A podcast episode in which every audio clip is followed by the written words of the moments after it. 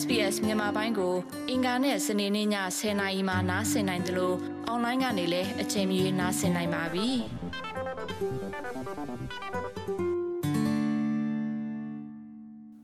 သောရရှိမြောက်ယခုတင်ဆက်ပေးမှာတော့အင်္ဂလိပ်စာကျွမ်းကျင်မှုသင်ရဲ့ဘာသာစကားစွမ်းရည်ကိုမြင့်တင်ရန်အဆင့်များဆိုတဲ့ဆောင်းပါးပဲဖြစ်ပါတယ်။သောရရှိမြခင်ဗျာအင်္ဂလိပ်စာလေ့လာခြင်းသည်သင်ကျောင်းသားဗီဇာအတွက်လိုအပ်ချက်တစ်ခုဖြစ်သလို အနာဂတ်ပညာရေးဆိုင်ရာလိုက်စားမှုများအတွက်လမ်းကြောင်းတစ်ခုဖြစ်ဆောင်ရွက်ပေးနိုင်ပါတယ်။၎င်းသည်သင်ရဲ့အသက်မွေးဝမ်းကြောင်းအလားအလာများကိုတိုးမြင့်ရန်သို့မဟုတ်ပုဂ္ဂိုလ်ရေးဆိုင်ရာရည်မှန်းချက်တစ်ခုဖြစ်လာရန်အလားအလာလည်းရှိပါတယ်။များပြားလာသော လေးလာမှုရွေးချယ်မှုများနဲ့အလွတ်တဘောသင်ယူမှုအခွင့်အလမ်းများရရှိနိုင်သဖြင့်အတားအဆီးများကိုကျော်လွှားပြီးသင်ရဲ့အင်္ဂလိပ်စာစွမ်းရည်ကိုပြန်လဲပြင်ဆင်ခြင်းဖြင့် အောင်မြင်နိုင်မှာဖြစ်ပါတယ်။အင်္ဂလိပ်ဘာသာစကားကိုကျွမ်းကျင်ပိုင်နိုင်ရန်ခက်ခဲပြီး Australian အသံထွက်နဲ့ idea များကို နားလေရန်မြင်မြခက်ခဲသည်ကိုကျွန်ုပ်တို့အားလုံးသိကြပါတယ်။ဒါကြောင့်စကားပြောသူအသစ်များသည် အတားအဆီးများစွာနဲ့ရင်ဆိုင်နိုင်ရပါတယ်။ Marcella Aguilar သည် Australia အစိုးရပြည်ထောင်ရေးဌာနမှရန်ပုံငွေဖြင့်ပံ့ပိုးထားသော Adult Migrant English Program AMEP နဲ့ Volunteer Tutor Coordinator တယောက်ဖြစ်ပါတယ်။သူမပြောတာကအကြောက်တရားဟာအားလုံးထဲမှာအင်္ဂလိပ်စာသင်ကြားဖို့အကြီးမားဆုံးအတားအဆီးဖြစ်တယ်လို့ဆိုပါတယ်။ So when someone arrives in a country, they might be too old. They feel they've been out of the education system for so long. They have no previous schooling, so they have no learning strategies. Understanding a new culture. There's a barrier there with people having that fear of making mistakes, sounding silly. People don't care if you make mistakes. Language is for communicating and people just want to hear the message. ထွက်ခွာခဲ့တာကြာပြီအရင်ကကြောင်းမတက်ခဲ့ဘူးလို့ခံစားရတယ်ဒါကြောင့်သူတို့မှာယဉ်ကျေးမှုအသစ်တွေကို နားလည်လာဖို့သင်ယူမှုနီးပြဟာတွေလိုကြပါတယ်အမားလုံမိမာကိုကြောက်ပြီးလူတွေကြားမှာ ရည်စရာဖြစ်မှအတွက်အတားအဆီးတွေရှိနိုင်ပါတယ်လူတွေကသင်အမှားလုပ်မိရင်ဂရုမစိုက်ကြပါဘူးဘာသာစကားဟာဆက်သွယ်ရန်အတွက်ဖြစ်ပြီးလူများသည့်သတင်းစကားကြားကျင်ကြယုံသာဖြစ်ပါတယ်ဘာသာစကားကိုပိုသုံးလေပိုကောင်းလေလေဖြစ်လာမှာပါ Alison Dian သည် Langport English Language College ရဲ့လေ့လာရေး Director ဖြစ်ပါတယ်။နေ့စဉ်ဘဝမှာကျွန်ုပ်တို့ရဲ့အင်္ဂလိပ်စာကို တိုးတက်မြင့်တင်ပေးနေစဉ်တွင် လူများကိုတရားဝင်လေ့လာနိုင်ရန်ခိုင်လုံသောအငင်းခုံတစ်ခုရှိနေတယ်လို့သူမကပြောဆိုပါတယ်။ I think they get a much more solid foundation of English. They get a lot more confidence in their English to be able to go out and integrate into the daily life of Australia. I think just coming without any formalised English training, they're coming with bad habits, they're coming with low levels of English, getting more of a formalised English training sets them up very well for jobs, for future Australia ရဲ့နေ့စဉ်လူနေမှုဘဝမှာအပြင်ကိုထွက်ပြီးပေါင်းစည်းနိုင်စေရန်၎ င်းတို့ရဲ့အင်္ဂလိပ်စာကို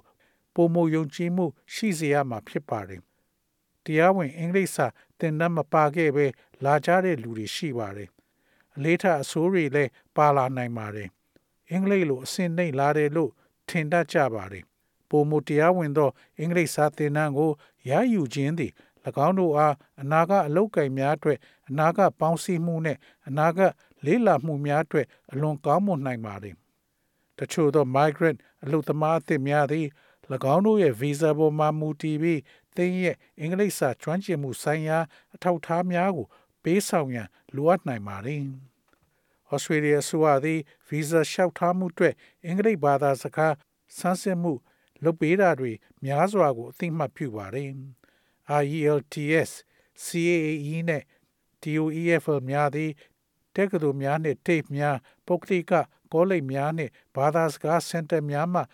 ပေးဆောင်တဲ့သင်ကြားမှုများကိုအသိမှတ်ပြုတဲ့သင်တန်းများဖြစ်ပါတယ်။ Hesser Mosted သည်အင်္ဂလိပ်ဘာသာနီးပြဆရာဖြစ်ပါတယ်။ဤရွေးချယ်စရာအမျိုးမျိုးကို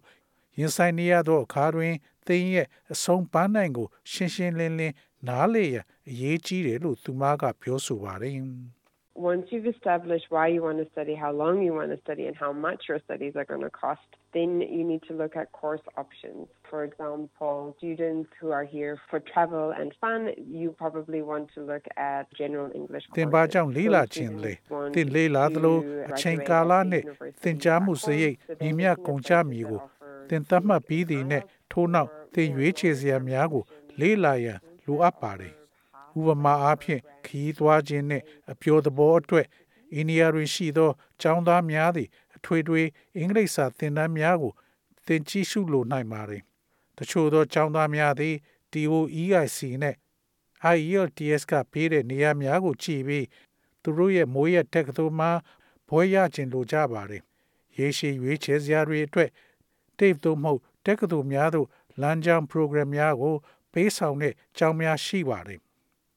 ကျောင်းသား visa အတွက်တခြားလိုအပ်ချက်များလည်းရှိပါတယ်။ဥပမာအားဖြင့်ကျောင်းသားများသည်တပတ်လျှင်အနည်းဆုံးနိုင်20မျက်နှာချင်းဆိုင်တန်းများမှာရှိတဲ့ဘာသာစကားကျောင်းတွင်စီရင်သွင်းရမှာဖြစ်ပါတယ်။တချို့သောဘာသာစကားကျောင်းများသည် နောက်ထပ်လေးလာမှုများသို့ဓာတ်ရိုက်မပြောင်းရွှေ့မီကျောင်းသားကအင်္ဂလိပ်စာလေ့လာသည့်လမ်းကြောင်း program များကိုပေးဆောင်ပေးပါတယ်။အင်္ဂလိပ်စာအရေးချင်းစစ် စာမေးပွဲများအတွက်ပြင်ဆင်ရမှာကူညီရန်တခြားသောသင်တန်းများကိုလည်းဒီဇိုင်းလုပ်ထားပေးပါတယ်။ Alison Lennon ကယခုလိုပြောဆိုပါတယ်။ different countries require different certificates. For example, if they're looking at changing visas or going to university, a lot of them will need an IELTS certificate. So we will train them in IELTS so that they have the techniques and skills to be able to sit that IELTS test. The Cambridge certificates, a lot of European countries နိုင်ငံ require အ that သီးသီး English မှာမ certificate တူညီ to သော go back to their လက်မှတ် country များ and လိုအ enter ပ် their ပါတယ် university ဥပမာအား or ဖြင့် be promoted visa within ပြောင်း their ဖို့ industry ဒါမှမဟုတ် and တက္ကသိုလ်တက်ဖို့ Asian countries လုပ်နေတဲ့ they သူတွေဟာ require IELTS လက်မှတ်လိုအပ်ပါလိမ့်မယ်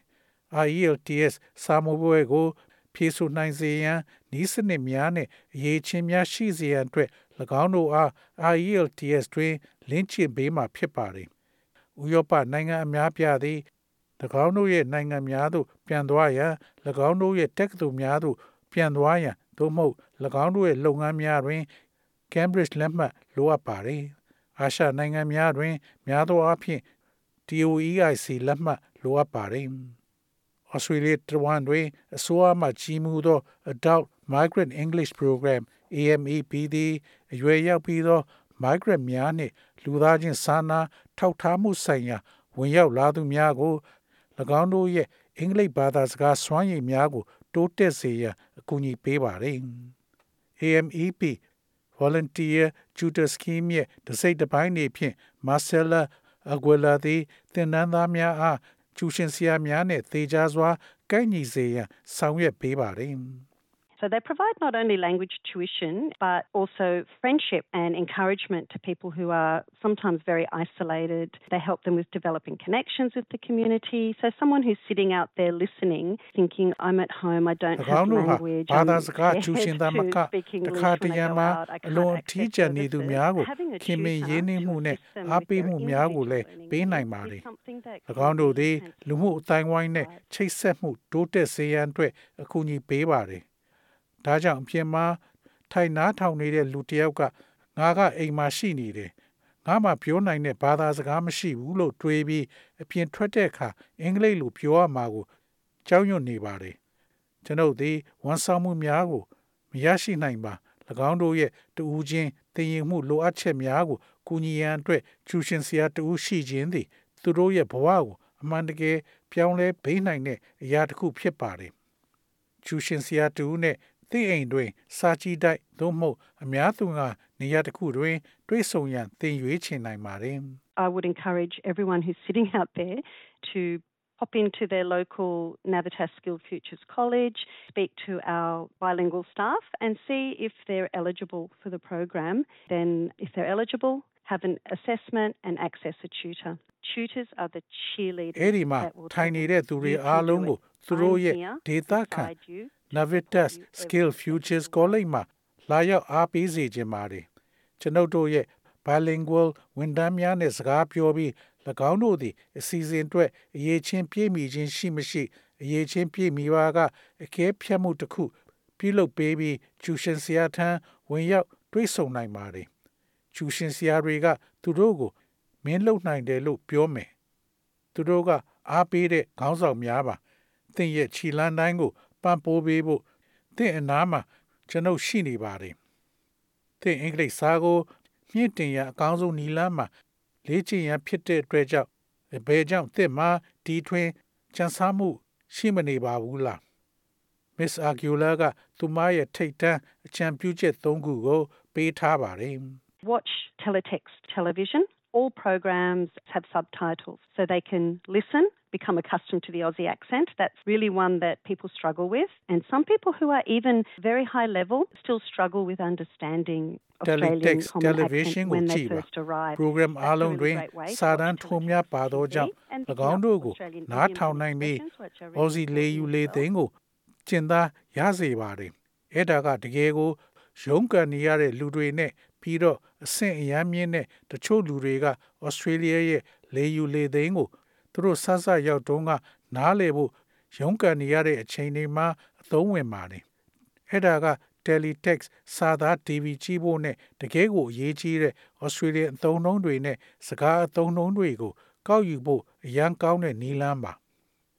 ဒုတိယအနေဖြင့်အင်္ဂလိပ်ဘာသာစကားသင်ယူရန်အတွက်ရရှိနိုင်သောခါမဲ့ပညာရေး app များကို ကြည့်ရှုပါဤ app များသည် သင်ဘာသာစကားလေးလာမှုများကို ဖြည့်စွတ်ရန်နှင့်ဘာသာစကားသင်ယူမှုရင်းမြစ်များကိုအစဉ်ပြေစွာဝင်ရောက်ခွင့်ပေးရန်အဖို့တန်ကရိယာများဖြစ်နိုင်ပါသည် Duolingo is fantastic because the person can set their home language as the language of instruction. Bits board is wonderful for vocabulary practice. It's very colourful and engaging. Osphonics is great for people, particularly who are having pronunciation issues. Book Creator is terrific, where people can make electronic books. So even a Duolingo very သည် low-level လူ person တူ can သည် take an ၎င်း image ရဲ့ and ပင် create a မ book ဘာသာ about စ their ကားကို family with just သင် one or ကြား two ပို့ချ words တဲ့ on each ဘာသာ page, စကား even ဖြင့် if they have သတ်မှတ် no နိုင်သောကြောင့် literacy. အလွန်ကောင်းမွန်ပါတယ် Bitsport သည်ဝေါ်ဟာရလေ့ကျင့်မှုအတွက်အလွန်ကောင်းမွန်ပါတယ်၎ င်းသည်အယောင်သွေးစုံလင်ပြီးဆွဲဆောင်မှုရှိပါတယ် Osphonics သည်အတန်ထွက်ပြဿနာရှိသူများအတွက်အထူးကောင်းမွန်ပါတယ် Book Creator သည်လူများ electronic စာအုပ်များကိုဖန်တီးနိုင်တဲ့အလွန်ကောင်းမွန်တဲ့စနစ်ဖြစ်ပါတယ်ထို့ကြောင့်အလွန်နှိမ့်ချသော အင်္ဂလိပ်စာတတ်သူသည်စာမတတ်လျင်ပင်စာမျက်နှာတစ်ခုစီတွင်စကားလုံးတစ်လုံးသို့မဟုတ်နှလုံးဖြင့်၎င်းတို့ရဲ့မိသားစုအကြောင်းစာအုပ်တစ်အုပ်ကို ဓာတ်ပုံတစ်ပုံရိုက်ခါဖန်တီးနိုင်ပါတယ် Miss Aguilar ရဲ့တာရီယာချန်ပီယံချက်မှာကတော့အတန်ထွက်စာအုပ်များနဲ့ထိတွေ့ဆက်ဆံရန်ပင်ဖြစ်ပါတယ်အတန်ထွက်စာအုပ်များကို နားထောင်ခြင်းသည်သင်အင်္ဂလိပ်ဘာသာစကားစွမ်းရည်ကိုတိုးတက်ကောင်းမွန်စေတဲ့အကောင်းဆုံးနည်းလမ်းတစ်ခုဖြစ်ပြီးစွမ်းမဲ့ဖွယ်ကောင်းသောဇာတ်လမ်းများသို့မဟုတ်တန်ဖိုးရှိသောအကြောင်းအရာများကိုခံစားနေစဉ်တွင် နားထောင်ခြင်းနားလည်မှုနှင့်အတန်ထွက်ကိုလေ့ကျင့်နိုင်စေသောကြောင့်ဖြစ်ပါတယ် They're looking at the language and they're also listening to someone read it at the same time. So they can hear the pronunciation, the rhythm and music of the language. They're looking at grammar without realizing it and all the little pesky prepositions like to, သူတို့က at, in, ဘာ for, သာ which စကား are ကိုကြည့် very ပြီး hard to တယောက် learn. ယောက်က And ဖတ်တာကို they'll learn တပြိုင်နက် lots of new နားထောင်တယ် vocabulary as well. သူတို့ဟာဘာသာစကားအတန်ထွက် rhythm နဲ့ guitar ကိုကြားနိုင်ပါတယ်၎င်းတို့သည် grammar ကိုသတိမပြုမိဘဲကြီးရှုနေကြပြီးသင်ယူရန်အလို့ခက်ခဲသော to at in for ကဲ့သို့သော preposition ငယ်များအားလုံးကို ကြည့်နေကြပါတယ်ပြီးတော့ဝေါ်ဟာရအသစ်တွေလည်းအများကြီးသင်ယူရပါလိမ့်မယ် ABC နဲ့ SBS မှပံ့ပိုးပေးသော အခမဲ့ online သင်ကြားရေးကိရိယာများကိုစူးစမ်းလေ့လာနိုင်ပါတယ်။ SBS Learn English သည်ဗီဒီယိုစာသားနဲ့ podcast များမှတစ်ဆင့် Australian ယဉ်ကျေးမှုအကြောင်းလေ့လာနေစဉ်တွင်သင်အင်္ဂလိပ်စာကို တိုးတက်အောင်အကူအညီပေးမှာဖြစ်ပါတယ်။ offline ဖြစ်နေတဲ့အချိန်မှာအတိုင်းဝိုင်းထဲကိုရောက်ဖို့ကလည်းအရေးကြီးပါတယ်။ Miss Monster ရဲ့ထိတ်တန့်အချံပြုချက်မှာ သင်သည် supermarket သို့သွားတဲ့အခါ self checkout ငွေရှင်းခြင်းကိုရှောင်ကျဉ်ရန်ဖြစ်ပါတယ်။ That's an opportunity for you to practice small talk. So it comes with the idea of practicing anywhere, everywhere that you can. Even when you hop into the Uber, that's 15, 20 minutes of English language practice that you can have. So don't be on your phone. လေ့ကျင့်ဖို့ခွင့်ရေးပါပဲ။သင်တတ်နိုင်သမျှနေရာတိုင်းတွင်လေ့ကျင့်ရန်စိတ်ကူးဖြစ်လာနိုင်ပါတယ်။ သင်သည် Uber ကားထဲသို့တက်သွားသည့်တိုင်၎င်းသည်အင်္ဂလိပ်ဘာသာစကားလေ့ကျင့်မှုရဲ့15မိနစ်မှမိနစ်20အထိဖြစ်နိုင်ပါတယ်။တေဖုန်းပေါ်မှာစကားပြောမနေပါနဲ့။အဲ့ဒီကားမောင်းသူကို ထိတွေ့ဆက်ဆံမှုကြိုးစားပါ။အဲ့ဒီအခွင့်အရေးကိုတတ်နိုင်သမျှအကောင်းဆုံးအသုံးချပါ။တခြားတန်ဖိုးရှိသောအကြံပြုချက်မှာရက်ရွာနှင့်စေနာဝန်ထမ်းအဖွဲ့များအားကစားလှုပ်ရှားမှုအပြင် ဝါသနာပါတဲ့အဖွဲ့များတွင်တက်ကြွစွာပါဝင်ရန်ဖြစ်ပါတယ်။၎င်းသည်ဘာသာစကားလေ့ကျင့်မှုနှင့်အဓိပ္ပာယ်ရှိသောဆက်သွယ်မှုများကိုမြင့်တင်ပေးနိုင်ပါသည် you find Australian people generally, in my experience, really want to share and help people understand what Australia is about. And those are great ways not only to socialize but practice your English language. ကျွန်တော်အတွေ့အကြုံက Australia ကလူတွေက Australia ဆိုတာကို လူတွေနားလည်ပုံကိုမျှဝေခြင်းကြတာကို ရေဘူးရာအဖြစ်သင်တွေ့ရပါလိမ့်မယ်